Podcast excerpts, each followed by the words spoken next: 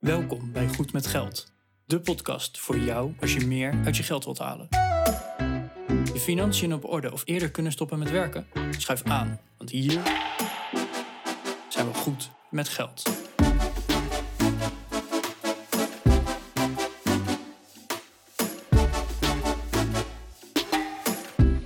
Aflevering 225 van de Goed met Geld podcast. Hey Arjan hier en welkom bij een nieuwe aflevering. En ja, eigenlijk de titel zegt al genoeg. Vandaag ga ik het met samen met Bas erover hebben dat ik ja, toch wel de overweging maak om nu echt te gaan stoppen met crowdfunding. Ik, eh, ja, we hebben al eerder natuurlijk ve- vele afleveringen opgenomen over crowdfunding. Hè? Dus ook over wat is crowdfunding, op wat voor platformen ben ik actief, waar hou ik rekening mee, welke risico's neem ik.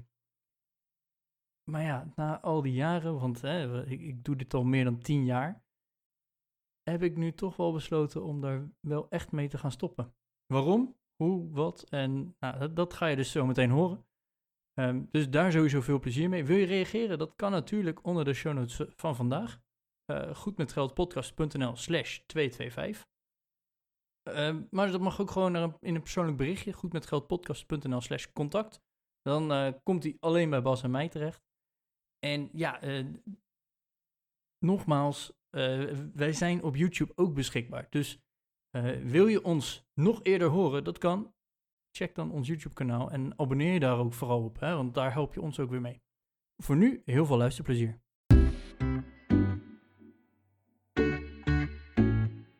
Goedemorgen Arjan. Hey, goedemorgen Bas. Jij uh, zit heel dik in de, of tenminste dik, zo ken ik je, dat je heel dik in de crowdlending zit. Uh, ja, dat klopt wel. Ja, je stuurde laatst een berichtje dat je zei van, nou, daar ga ik uh, misschien wel eens mee stoppen. Dus ja. toen zijn we natuurlijk naar de microfoons gehold om er een aflevering over te maken. Uh, met de clickbait-titel Stoppen met crowdfunding. Stoppen met crowdlending. Vertel. Ja, ik ben uh, in 2012 toen ooit begonnen, inderdaad. Dat was jouw begin in überhaupt... Dat, dat was mijn crowdlending fine... begin. Maar ook, eh, toch ook überhaupt hoe je bent begonnen met personal finance, met nou ja, fireword, alles wat erbij komt? Nou, dat is daarna pas eigenlijk gekomen.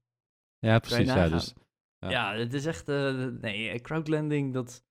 Ik, ik hè, de, nog even de recap voor alle luisteraars die, uh, die niet bij Die aflevering niet kennen. 1 begonnen zijn.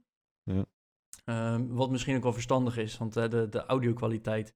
Ja, hij is nu niet optimaal, dat uh, besef ik me denk ik ook wel. Uh, want even achtergrond, ik ben nu verhuisd.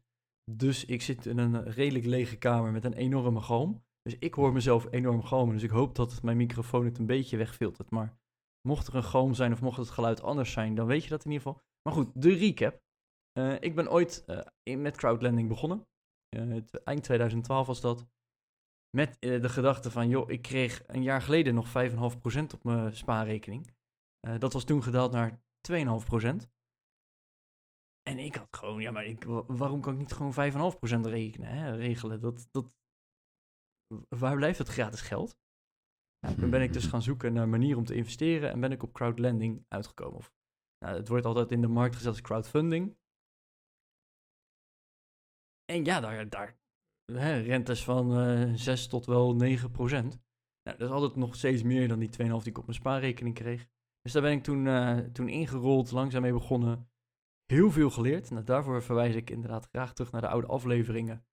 Uh, wat voor shit ik ook door heb gemaakt met alle projecten die op een gegeven moment ook gewoon stopten met betalen, failliet gingen, uh, afgeschreven moesten worden, dat soort dingen. En nu zijn we bijna elf jaar later. En gaat het toch kriebelen om er gewoon mee te stoppen. en hoe, hoe komt dat? Je belegt ook gewoon in aandelen, toch? Ik beleg ook zeker in aandelen. Uh, de verhouding andere... is ongeveer 50-50. Dus, nog wat andere uh, hobby, hobby dingetjes erbij. Ik, ik heb wel wat meer side projects ernaast ja, inderdaad. Ja, nee, okay. um, ja, hier toch ook weer even terug naar het verleden. Ik had op een gegeven moment een hele strategie. Er waren heel veel projecten gewoon failliet gegaan en gestopt met betalen. Uh, moeilijk, moeilijk, moeilijk. En toen ben ik heel erg gaan kijken van, oké, okay, maar waar moet ik nou naar kijken? Dus er kwam een stukje risico bij. Hè, uh, hoe likely is het dat een bedrijf de, de lening terug gaat betalen? Mm -hmm. Daar kwam een stukje eh, in welke sector zit het? Want ik zag op een gegeven moment ook, hey, hoeveel welke sector doet het beter dan de ander? Uh, dus dan een stukje hey, uh, cashflow in. Want sommige dingen, ja, het is leuk dat ze het dan in de loop van de tijd ook terugbetalen. Dat is heel goed voor je cashflow aan de ene kant, maar aan de andere kant, je moet het wel weer herinvesteren. Nou, de, zo waren er allemaal verschillende factoren die hier gewoon meespeelden. Waarom ik toen heb gezegd, nou, ik, ik verander mijn strategie. Mm -hmm. Dat is, nou, pak een beet, twee jaar later toen geweest. En toen heb ik ook echt uh, goede verliezen gemaakt. Gewoon min 5%. Oh joh. Terwijl je hebt een prognose van hè, om en nabij de 6%. Dus dat is gewoon 10% lager effectief als je het zo gaat bekijken dan, uh, dan wat je verwacht. Mm. Ja, en dat viel toen wel tegen. Maar goed, met die nieuwe strategie ging het wel alweer een stuk beter. Uh, de, de, aantallen van projecten, die, nou, dat bleef eigenlijk wel groeien. De inkomsten bleven stabiel. Ja, dus eigenlijk ging het veranderde wel een beetje. De, de crowdlending werd ook volwassen. Uh, in plaats dat een project gewoon online gegooid werd en je in één keer in moest, erin moest duiken, uh, is er ook regelgeving omheen gekomen. Dus een project moet eerst 48 uur online staan. Dan heb je een, een moment dat die opengezet wordt. Dus uh, op een gegeven moment uh, zat ik heel erg in, de, in het vastgoed. Mm -hmm. Dus het financieren van vastgoed voor bijvoorbeeld verhuur. Ja, en dan had ik dus echt in mijn agenda staan, ik moet dan, moet ik inleggen. Mm -hmm. Want anders loop ik de boot mis. Hè? Er was zoveel geld in de markt. Uh, als je nu vroeg om twee ton, over vijf minuten had je het. Jo. Dat is wel, uh, dat is wel bizar. En, en dat is echt gigantisch is echt bizar. Raar, en nou, maar goed, ik vond het ook leuk. Uh, ook zeker een reden om er wel mee door te gaan. Mm -hmm. uh, hey, je helpt ondernemers.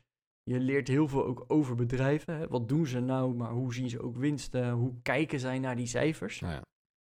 Dus ik heb er ook echt enorm veel van geleerd. Maar toen had ik laatst, uh, dat, dat is denk ik al meer dan een jaar geleden, had ik ook weer projecten die ermee stopten met betalen. Een heel sneu verhaal. Eigenaar was overleden, geen nabestaanden. Uh, de panden werden verkocht. En ook nou, de panden die werden met dusdanig veel verlies eigenlijk verkocht dat ik er aardig op in heb moeten leveren. En toen had ik echt van, ja, maar dit is nu al de zoveelste keer. En niet alleen dit platform, maar bij heel veel platforms waar ik, hè, want daar ben ik genoeg in gespreid. Heel veel platforms dat het dan opeens stopt met betalen. En toen ben ik ook echt voor mezelf eens gaan bedenken van, hé, hey, wat wil ik nou? Mm -hmm. uh, hè, want dat is wel belangrijk om af en toe even te evalueren. En om heel eerlijk te zeggen, ik was toen al gestopt. Tenminste, semi gestopt. Uh, dat kwam vooral, hè, we, we, hebben een huis gekocht. Nou, we hebben een hele serie over alle verhuisperikelen gemaakt. Maar als je een huis koopt, heb je ook gewoon cash nodig. En ja, die cashflow was een van de redenen dat ik ja, door bleef gaan. Ik vond het wel lekker dat ik elke maand, ja, in de, in de, op een gegeven moment de, de, de hoogtijdagen van mijn crowdlending, kreeg ik gewoon 2000 euro per maand terugbetaald aan aflossing en rente. En dat is een hele lekkere cashflow buffer eigenlijk. Waardoor mijn spaargeld gewoon wat lager was. Want hè, over een maand heb ik weer 2000 euro extra erbij. Nou ja. En ja, eigenlijk het doel was om die 2000 euro weer opnieuw te herinvesteren.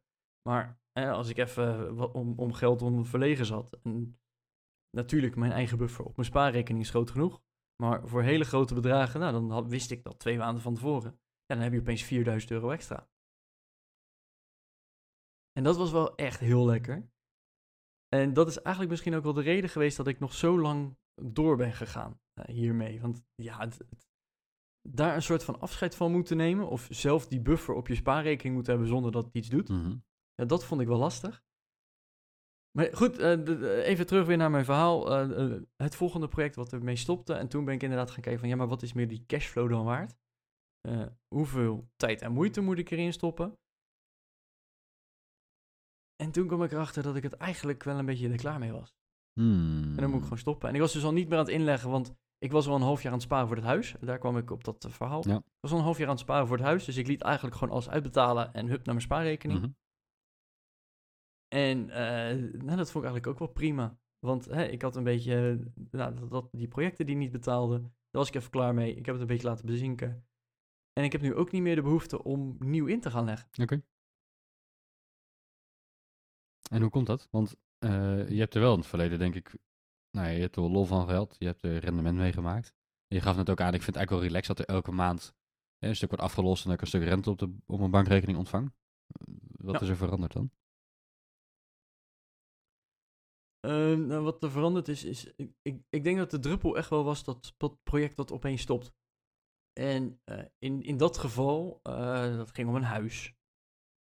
En dan ben je gewoon afhankelijk van zo'n platform.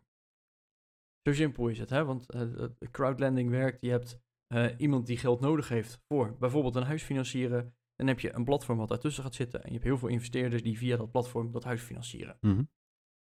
Dus je bent gewoon afhankelijk van dat platform. En daar ging ik altijd ook wel van uit. Maar eh, en daar betaal je voor, hè? zo simpel is het ook. Maar dan ga ik er ook wel vanuit dat het werk wat het platform doet, dat daar gewoon geen vraagtekens bij komen. Mm. Ik heb dus ook afscheid genomen van een aantal platforms, gewoon omdat de statistiek niet klopte. En dat klinkt dan heel lullig, van eh, de- ja, maar het is maar een euro wat het afwijkt. Nee, het is een hele euro. Eh, jullie regelen financiën en al dat soort dingen. Als je dan niet je, je cijfertjes rond kan tellen, dan ben ik al weg. Nou ja, je verwacht van, een, van zo'n financieel leverancier, van zo'n product, dat dat klopt. Dat en dat, ze, en dat ze weten waar het geld is en niet ongeveer. Nou, en, en in dit geval eh, de taxatiewaardes na een jaar, was het na anderhalf jaar van die woning, die waren dusdanig lager dat ik zei van ja, maar dat, dat kan toch eigenlijk niet. Die zijn zoveel lager. En tuurlijk, hè, ik, ik weet, ik ben aan het investeren, ik neem risico. Het kan inderdaad zijn dat het- zo'n waarde daalt. Hè, zo simpel is het. Mhm. Dat zijn gewoon de risico's die je neemt. En zolang zo'n ondernemer betaalt, is er ook niet zo heel veel aan de hand. Maar op het moment dat het misgaat, dan wil je eigenlijk wel op die oude taxaties ook ervan uit kunnen gaan dat ze klopten.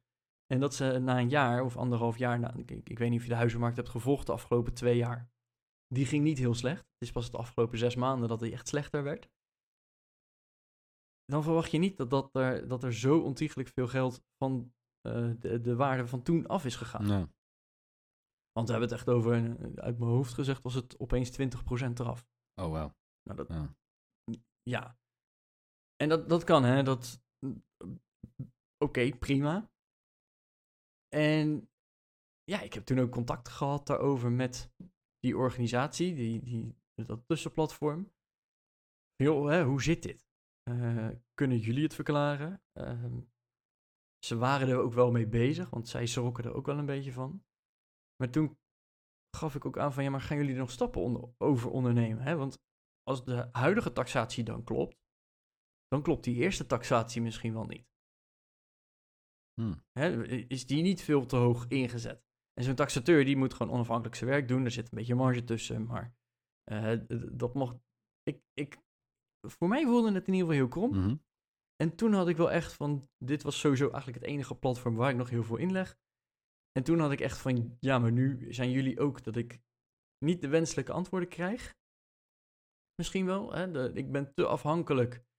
Maar ja, ik, ik word niet genoeg op mijn wenken bediend. Mhm. Klinkt misschien wel heel verwend, maar hè, voor mijn gevoel moest er meer actie op ondernomen worden. Mhm. En toen had ik inderdaad echt een beetje van, ja, maar ik doe ook nog andere dingen. Ik doe ook andere investeringen. Hè, ik, eh, ik heb ETF, eh, goede aandelen. Ik heb, ik zit in een, een vastgoedfonds.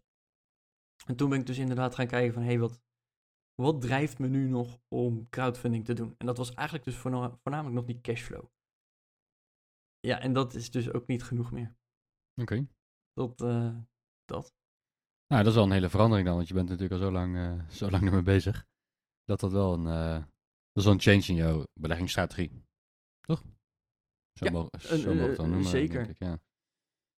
Zijn er ook nog andere wijzigingen? Of zeg je, nee, ik ga wel gewoon door met beleggen in aandelen in indexfondsen? Nou, die, die indexfondsen, die, die ga ik voorlopig even aanvullen. Eh, met het geld dat loskomt. Mhm. Ehm, nou, misschien nog wat, wat goed is om even eh, toe te lichten. Ik heb ook even de rendementen erbij gezocht. Hè? Want ik heb net mijn cashflow, Ja, dat ja. was...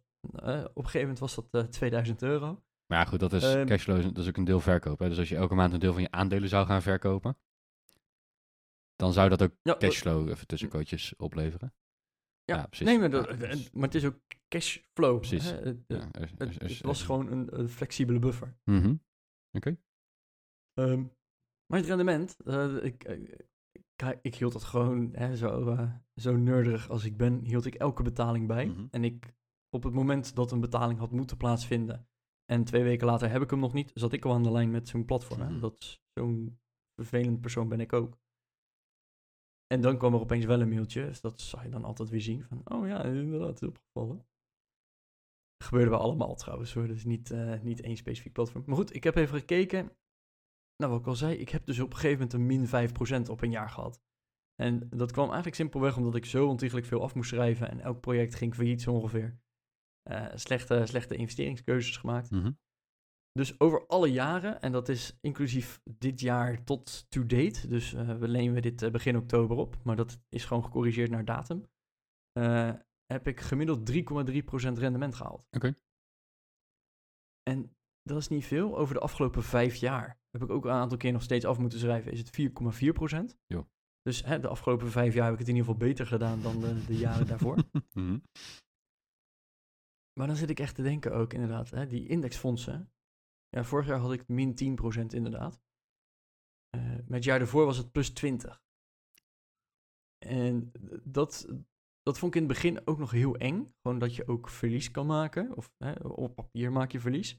En dat het zo op en neer gaat. En dat vond ik bij crowdfunding. Dat gaat lekker eh annuitair, maar het is elke maand hetzelfde. Je weet wat je kan verwachten Mm. en hè, hoe dat gaat. En dat is eigenlijk wel daar die mind switch. Ehm, naar inderdaad, in plaats van een cashflow heb je gewoon, ja, er staat een nummertje en het heeft een waarde en dat, dat moet je dan verder loslaten. Ja.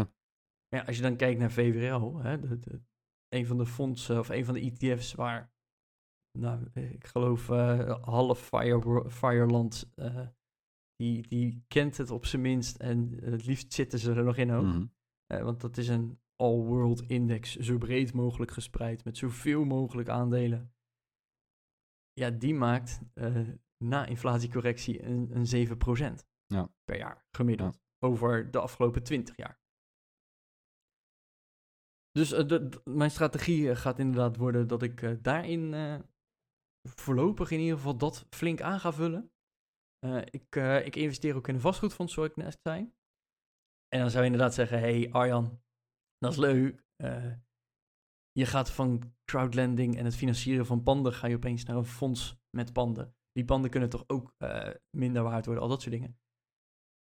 En dat is een van mijn laatste overwegingen. Bij crowdfunding heb je een lening uitstaan. En eh, je spreekt van tevoren af, hey, voor die lening krijg ik zoveel procent rente en dat betaal je in zoveel tijd terug. Bij zo'n vastgoedfonds ben je ei- mede-eigenaar van het pand zelf. En dat is met aandelen precies hetzelfde. Je bent mede-eigenaar van.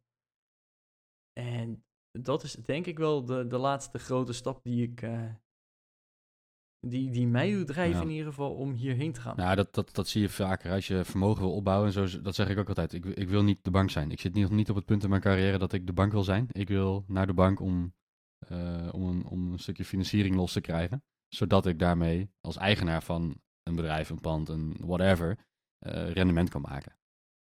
En het risicoprofiel is ook heel anders. Hè? Dat, eh, ik denk dat, dat mensen die luisteren dat misschien intuïtief wel begrijpen. Ehm, maar heel, ja, heel kort door de bocht. Als je een lening verstrekt aan iemand. Stel, ik leen Arjan eh 1000 euro. We spreken af dat hij daar 3% rente voor betaalt. Eh, en dat hij hem in een bepaalde periode aan mij aflost. Al dan niet aflossingsvrij en alles op het eind. Al dan niet elke maand een beetje, nou, whatever wat je afspreekt. Dan is het maximale wat ik kan verdienen, de rente die we hebben afgesproken. Meer dan dat ga ik er Ja. niet aan verdienen. Eh, en het maximale dat ik kan verliezen, is die 1000 euro. Hè, want in het slechtste geval gaat Arjen die nooit terugbetalen. Terwijl als je de, de eigenaar van een pand of van een bedrijf bent, dan is het maximale rendement dat je kunt maken oneindig. Hoe groot kan een bedrijf worden? Ja, mijn bedrijf is groter dan sommige andere bedrijven in Nederland. Maar mijn bedrijf is heel veel kleiner dan Amazon en Microsoft en eh, noem ze maar op. Hè? Die hele, hele, hele grote bedrijven. Dus hoe groot kan je bedrijf worden? Ja, dat, is, dat is natuurlijk praktisch oneindig. Eh, hoeveel geld kun je met een pand verdienen? Nou ja, daar zijn eh, ook vuistregels voor. Maar als je al eh, nou, de afgelopen 30 of 40 jaar in Nederlands vastgoed zit en je hebt het altijd verhuurd, dan heb je daar hele goede rendement op gemaakt. In, in huur en in waardestijging. Veel meer dan wat de bank eraan heeft verdiend. Dus de, eh, de downside is overigens ook lager. Hè, want je kunt, eh, als je een pand koopt, ja, dat, kan, dat kan niks waard worden. Of sterker nog, dat kan heel veel geld kosten. Hè, het kan niks waard worden en daarnaast nog heel veel kosten met zich meebrengen om alle shit te regelen enzovoort. Maar Ehm, zeggen, als het op een gegeven moment onbruikbaar is geworden, ja, dus dan heb je nog steeds de vaste lasten van zo'n pand. ja, dus het, Ondertussen heb je nul inkomsten. Het is geen fuck meer waard. ja, het risicoprofiel is en je dus... moet het opnieuw laten Het risicoprofiel is dus heel anders. Maar daar staat tegen, ook tegenover dat het verwachte rendement, en dan het woordje verwachte rendement is dan een belangrijke, maar dat het verwachte rendement is, eh, is, is ook hoger dan als je eh, financierder bent. We spreken dan van eigen vermogen of vreemd vermogen. Op het moment dat je eh, in, in eigen vermogen belegt, dan beleg je dus in, in het eigenaarschap van, van die asset waar je in zit, van het bedrijf, eh, van een pand enzovoort. Eh verstrek jij vreemd vermogen, eh, dan ben je veiliger. Want dan, dan krijg je gewoon een vaste rente. Alleen, ja, je gaat nooit meer krijgen dan die vaste rente. En Arjan, jij hebt dat meegemaakt natuurlijk in het verleden. Dat, dat, daar heb je het net over gehad en al eerder in de podcast. Ja. Het gaat ook wel eens mis. Dus dat betekent dat als je in... nou ja, je hebt het best wel goed gespreid op het moment volgens mij. Dat je best veel verschillende projecten hebt. Eh, dat als er een keer een project stopt met terugbetalen... dan ben je niet meteen je hele belegde vermogen kwijt. Maar Nee, zeker maar ja, als je je gemiddelde portefeuille uitzet voor een eh, nominale rente van 5,5%, ik noem even wat.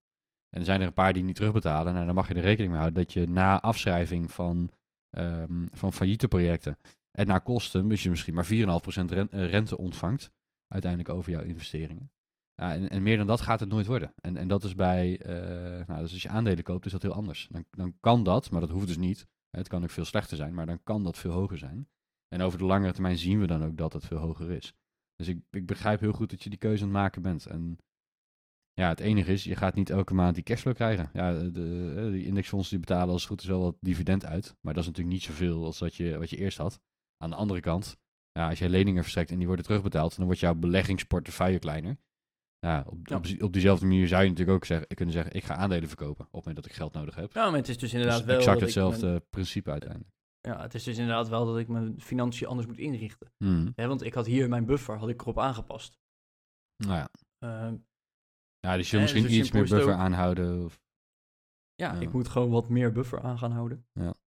Simpelweg inderdaad om grote tegenvallers eh, wat, wat, wat meer zelf te kunnen financieren. En ja, je kan altijd nog aandelen verkopen. Hmm. Eh, heb ik bijvoorbeeld ook voor het huis moeten doen. En, en dat voelde heel vervelend, want de aandelen stonden echt niet hoog. Eh, echt op een heel slecht moment. En nou, dat, dat is dan heel vervelend, maar het kan wel. En dat is dan de nou, balans die je weer moet zoeken van hey, hoeveel buffer heb je versus hoe- hoeveel rendement wil je daarmee gaan maken. Eh, en hoe snel heb je het nodig, al dat soort gekkigheid. Dus, eh, i- maar goed, inderdaad, dat, dat eigenaarschap. eh, want inderdaad, wat ik zei, eh, mijn aandelen vorig jaar min 10%, zoiets. Maar ik had nog precies net zoveel aandelen aan het einde van het jaar als aan het begin van het jaar. Ook al waren ze minder waard, ik had er nog precies net zoveel. Dus op het moment dat ze dan gaan herstellen, ja, ze kunnen nog verder zakken, hè, daar niet van. Maar op het moment dat ze gaan herstellen, gaan ze ook allemaal herstellen. Hmm. Dus het is niet dat je minder hebt. Nee, wat je hebt is minder waard. En dat is het, een, een groot verschil in vergelijking met crowdlending. Eh, dat is gewoon een lening die uitstaat. En op het moment dat de leningnemer niet meer terugbetaalt, is alles weg. En dan ga je het ook... Ja, natuurlijk, er, er zijn allemaal van die trajecten eh, in de in, eh, schuldsanering. Hè, het zorgen dat er alsnog boedel wordt verkocht, weet ik veel wat, om toch nog maar een beetje terug te krijgen. Mhm. Maar in de praktijk, als je dan nog een derde terugkrijgt, is het veel van wat er nog uit. Ja, precies. En dat, dat is gewoon, eh, ja, toch ergens vervelend. En ik, ik vond het echt heel leuk. Hè? Ik, ik, heb er superveel van geleerd. Eh, ik heb ook heel veel ervan geleerd dat de crowdfunding-markt, hè, alle verschillende platformen, hoe die zich hebben ontwikkeld, hoe de regelgeving erop is aangepast, al dat soort zaken. Maar voor nu is het gewoon goed om, eh, om op die manier met crowdlending te stoppen. Mhm. Dus ik laat het nu gewoon de komende. Ik denk dat ik nog een paar projecten van vijf jaar heb lopen. Dus eh, ik doe er nog vijf jaar over om, om er helemaal uit te zijn, verwacht ik. En dan, eh, ja, dan is het een beetje klaar. Alright. Ja, dus je gaat nu niet, eh, ja, je, kan ook niet denk ik, hè, heel actief proberen om je portefeuille te verkleinen. Het is nu gewoon wachten tot ze allemaal hebben terugbetaald. Ja, ja, het zijn echt leningen, je kan ze niet verhandelen. Want het zijn geen obligaties. Daar wil ik trouwens straks nog even op terugkomen, want ik ga wel eh, andere leningen wa- waar ik ook mee bezig ben, eh, wel nog steeds doen. Mhm. Wat misschien ook een soort van crowdfunding is. Ah, Oh, oh. Maar ehm, nee, het, het zijn gewoon leningen en uh, je hebt een contract van een x aantal jaar. En ook als leninggever moet je die uitzetten. Mhm. Je, het is niet direct opeisbaar. Oké. Dus ja, dat is, en dat wist ik van tevoren. Hè? Uh, dat, dus geen klachten of iets daarover, maar het is gewoon zo. en alles wat er dus nu uitkomt, dat ga ik eerst even nog mijn spaarbuffer wat vergroten. En vervolgens ga ik dus ook kijken van, hey, ga ik het inderdaad in een ETF stoppen? Zeg ik, nou, dat vastgoedfonds daar wil ik mijn aandeel wat in vergroten. Hè, want de, verhouding crowdfunding versus mijn ETF is ongeveer 50-50. Nou, als ik dan kijk hoeveel in dat vastgoedfonds zit, nou, dat zal om en nabij, ik denk een tiende van mijn totale vermogen, zoiets. Oh ja. Dus dan zit je op, uh, als je alle crowdfunding naar uh, ETF doet, dan is het 1090. Nou, dat vind ik misschien een wat groot verschil. Dus misschien dat ik weer een beetje daarin stop. Mhm. Ook niet zomaar te verkopen trouwens. En er zitten ook allemaal weer haken en ogen aan. Maar ja, ik, ik ga in ieder geval de, deze manier van crowdfunding wat afzweren. En, uh, en op die manier gaan we uh, dan weer door. Want Bas, jij, jij hebt ook ooit de crowdfunding gehad, toch? Ja, en dat, ik, ik geef jou nog steeds de schuld daarvan. Zou ik ook doen. Oh, trouwens, even tussendoor, voordat ik echt overal de schuld van krijg. Beste luisteraar, dit is echt helemaal geen financieel advies. Ik wil heel graag gewoon mijn, mijn ervaringen delen, mijn visie ergens op delen. Maar alsjeblieft, zie dit niet als beleggingsadvies. Als crowdfunding voor jou werkt, zeker blijven doen. Als je benieuwd bent naar crowdfunding, hoop ik in ieder geval dat je inzichten hierin hebt gekregen. Maar gebruik mij niet als enige bron gewoon, ja, en het klinkt zo makkelijk. Wij zijn niet aansprakelijk voor alle uitspraken die we doen. Natuurlijk, uh, ik zeg het niet voor niks. Hè. Ik ben al elf jaar ermee bezig. Dus uh, het is niet dat ik het allemaal uit mijn dikke duim zag. Of uh, een weekendje gecrowdfund heb. En toen dacht, oh, het is toch niet leuk. Maar doe alsjeblieft je onderzoek. Want het zijn allemaal investeringen die je doet. Je loopt er gewoon echt risico mee. Je kan er je geld ook mee kwijtraken. Dus doe alsjeblieft je vooronderzoek voordat je ermee begint. Maar goed, terug naar jou, Bas. Ja, uh, jij hebt natuurlijk al best wel lang uh, jouw crowdfunding activiteiten. Elf jaar geef je net aan. Uh, we hebben het er in het verleden veel over gehad. Ik ben traditioneel echt een aandelenbelegger. Dus ik, um, en dan niet in de zin dat ik aandelen selecteer en koop, maar in de zin dat ik indexfondsen koop. Ehm, in het begin heel veel met, met ETF's gedaan, zoals een VWRL. Inmiddels doe ik dat bij ja, bij een fonds. Ik, dat weten luisteraars, hè, we zitten bij ABN AMRO en bij Meesman in NT World fondsen. Dat zijn indexfondsen waar je in belegt. Wijdgespreid, lage kosten, uh, geen poespas. elke maand koop ik een beetje bij, zowel privé als zakelijk als voor mijn pensioen.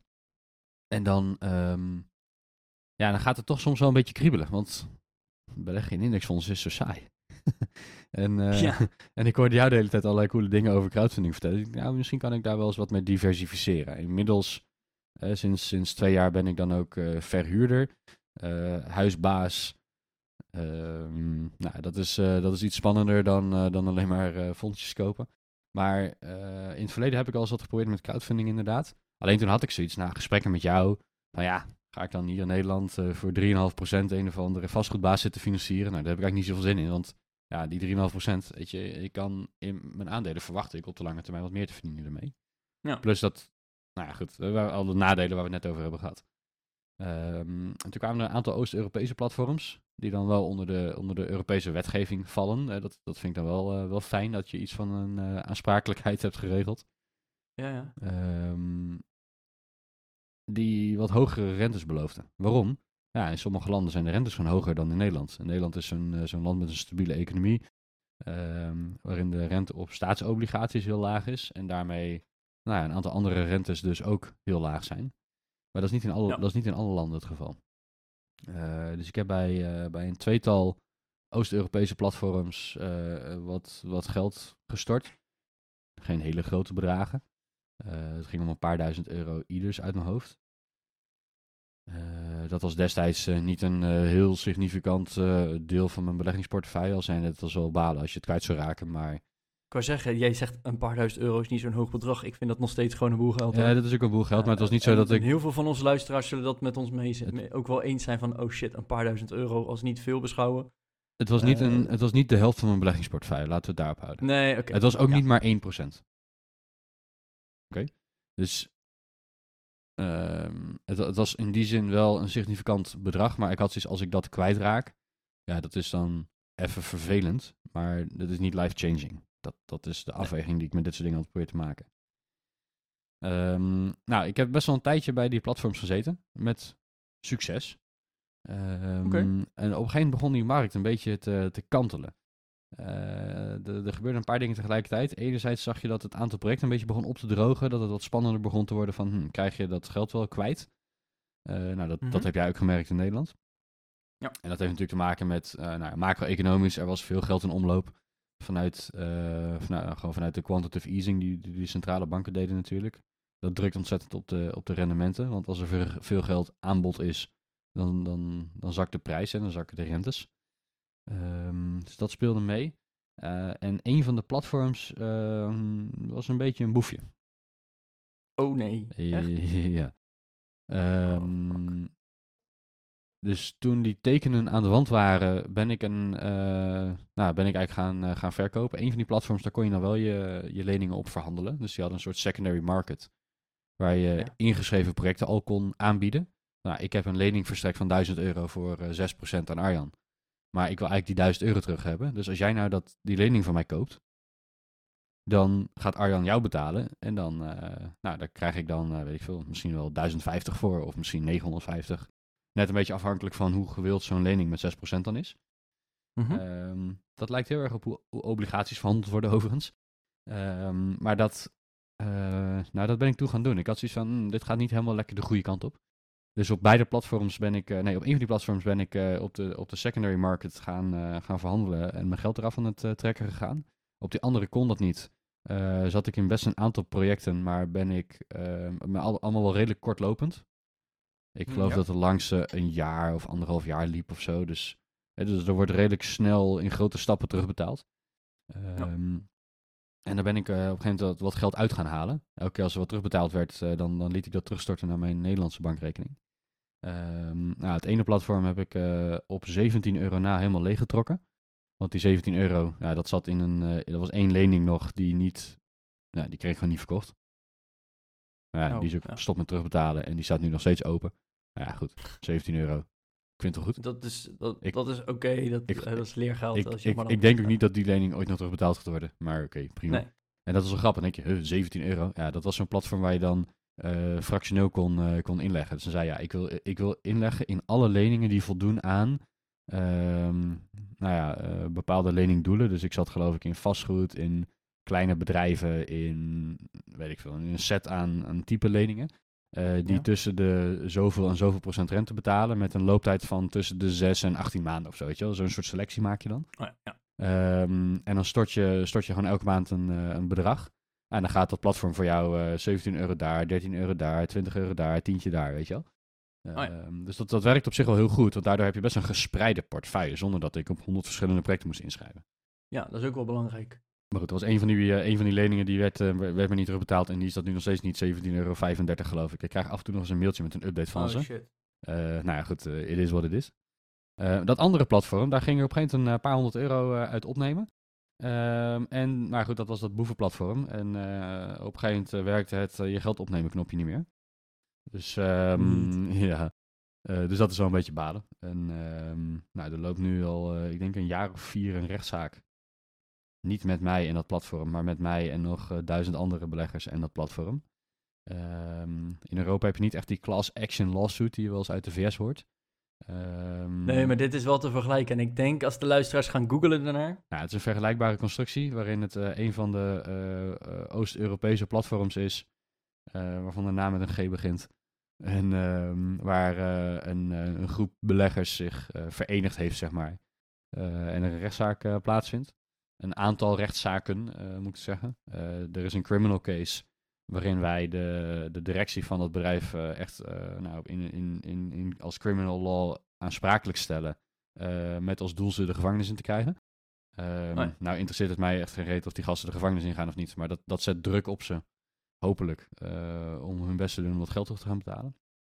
Ehm, en er spelen wat aan, de, aan de civielrechtkant wat, wat zaken.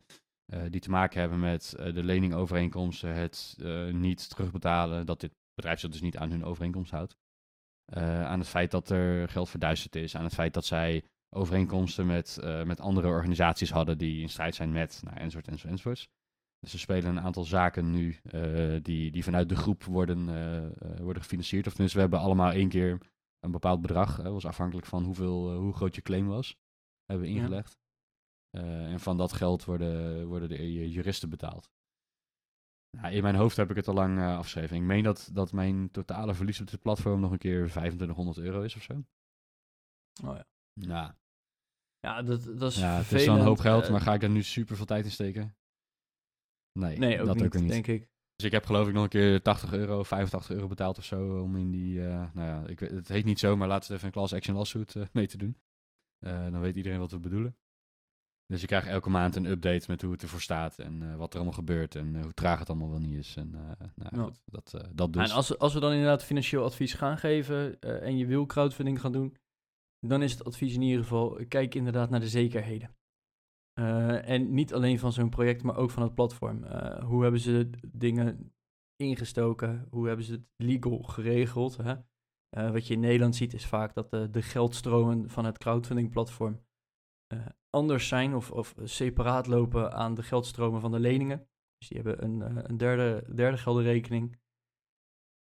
Als ze zulke dingen niet hebben, zouden dat eigenlijk al flags moeten zijn. Ja. Dat je zegt, hey, dit is of niet goed geregeld of er zit een luchtje aan. Ja, ja het, en, het lastige uh, is dat je nooit kunt zien of dat echt het geval is. want ook dit bedrijf uh, zei dat ze natuurlijk alles goed geregeld hadden. En ja, dan, en dan, ja, blij, nee, en dan blijkt achteraf dat het, uh, dat het een potje was en dat er allerlei geld naar de directie uh, privé is gegaan. Zonder dat het in de boeken stond. En ze hadden zoiets van, ja, zolang de instroom van nieuw geld maar goed genoeg is, uh, van nieuwe beleggers, kan dat. Hè? Dan, dan, ja, is dan, er, dan, dan, is er altijd, dan is er altijd genoeg cash en dan maakt het niet uit. Ja, ja. Dat, uh, er waren allerlei leningen op papier verstrekt die helemaal niet verstrekt waren, omdat het geld gewoon bij de directie zat. Omdat ze daar een, een, boot van hadden gekocht. En ja, maar het is echt, het is echt boeverij wat daar gebeurde. Ja, um, oh jeetje. Ja, en dan kunnen ze zeggen, ja, we hebben het allemaal goed geregeld en we hebben inderdaad een bedrijf en een bewaarstichting en uh, weet ik wat allemaal wat, je, wat jij nu net beschrijft. Ja. ja. in de praktijk was dat niet zo. Uh, hoe ga je, nou, dan, hoe ga je dat beoordelen? Wel... Dat, is heel, dat is heel moeilijk. Ja, ja maar dan misschien wel een, een, iets om naar te kijken is van, hé, hey, in welk land is het inderdaad gevestigd en hoe is de controle vanuit dat land? Ja. Hè, eh, in, in Nederland crowdfunding platformen, ze vallen niet allemaal onder, officieel onder de AFM, maar de AFM kijkt vaak nog wel even mee. En anders staat er echt lelijk, lelijk groot van, hey, let op, je belegt buiten het zicht van de AFM, uh, eh, niet verantwoordelijk, bla bla bla. Um, maar het, dat zijn allemaal dingen waar je ook rekening mee moet houden. Afgezien van, hey, dit project is leuk en uh, met deze lening kunnen ze weer tien nieuwe koeien kopen. Ik noem maar wat. ja, maar dat, dat zou op een gegeven moment zomaar kunnen. Ja. Dus um, dat, is, dat is even belangrijk. Maar goed, um, wat ik nog wel toe wil voegen, is ik ga nog wel een soort van door met een crowdfunding manier. Mm -hmm. um, daar, daar heb ik al eerder over gesproken, volgens mij. Ik heb er eens een blog over geschreven.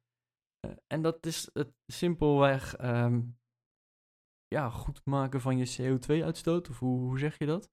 Uh, nou, er, is, er is in ieder geval zijn, uh, zijn manieren waarop je een soort van groene belegging doet, waarmee CO2 gecompenseerd wordt.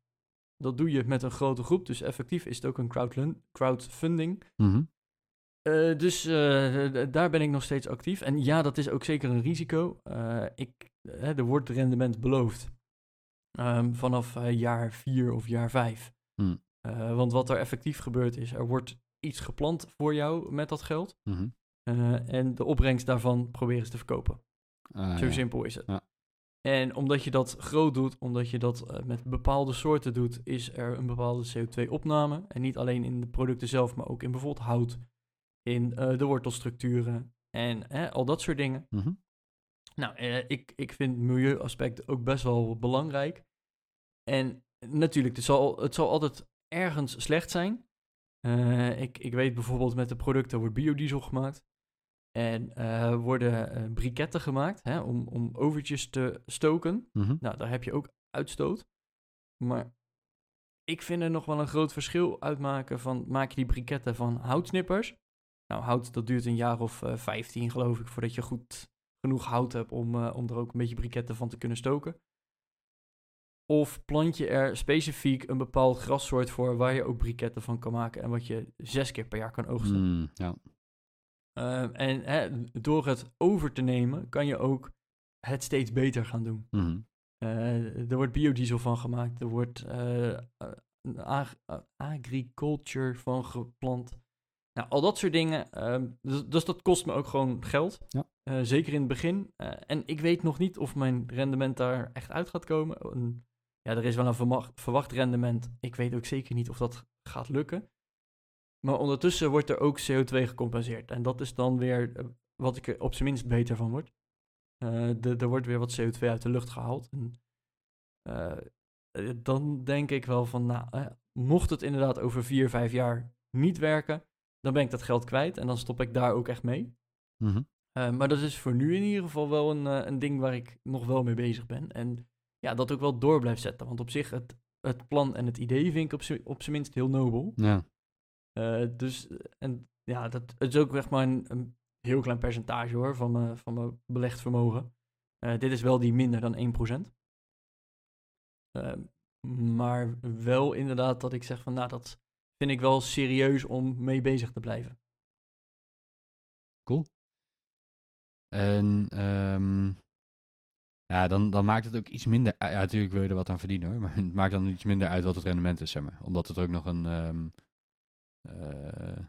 ja, een stukje vergroening, verduurzaming teweeg brengt. Ja. Tenminste, zo zou ik Nee, er wel naar kijk, kijken dan. Al- Als het inderdaad effectief een rendement van eh 0 wordt, of 2%, ze beloven wel meer hoor, maar als het effectief 0 of Mhm. 2 of zoiets wordt, dan denk ik ook, ja, nou, ik heb in ieder geval mijn investering weer terug. En ik heb CO2 gecompenseerd. Precies. Ja, ja, ja. En hè, als je, je hebt ook van die projecten die alleen maar CO2 compenseren en dan krijg je er niks voor terug, geen rendement, echt niks. Mhm. Eh, dan heb je effectief precies hetzelfde, of dan ben je het ook kwijt. Ja. Eh, nu leg je wat meer in, hoop je er ook weer wat eh, terug te krijgen. Eh, en het zijn echt lange termijn projecten, denk inderdaad aan eh, 15 tot 20 jaar. Mhm. Ja, eh so be it. Dus dat, daar doe ik nog een klein, klein deel in.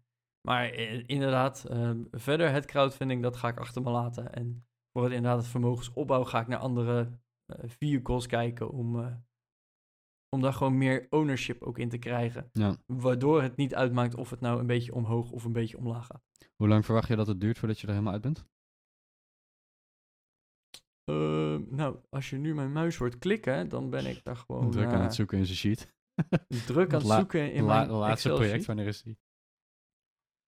Eh, even kijken hoor. Nou, als ik dan al mijn filtertjes even uitzet en dan de projecten die niet betalen, filter ik er even uit. Dus dan heb je gewoon eigenlijk alleen maar de eh, reguliere projecten. Dus degene waar ik nog geen gezeik mee heb en, en dat soort gekkigheid. Ja. Want die tellen niet, vind ik eigenlijk. Die heb ik al afgeschreven, dus ga ik vanuit dat dat allemaal wel meevalt. Oké. Dan wordt dat de laatste betaling april 2007. Of nee, oh shit. Nog een end verder. Mijn sheet is zo groot, dat is echt eng. Eh, maart 2028. Oh, oh, dat duurt nog even. Eh, ja, vijf jaar, zoals ik eigenlijk al zei. Ja, En ja dus precies. na een half jaar geleden ben ik gestopt met, met inleggen. Nou ja, Eh, want ik was aan het sparen voor een huis. Dus eh, nu nog 4,5 jaar. cool.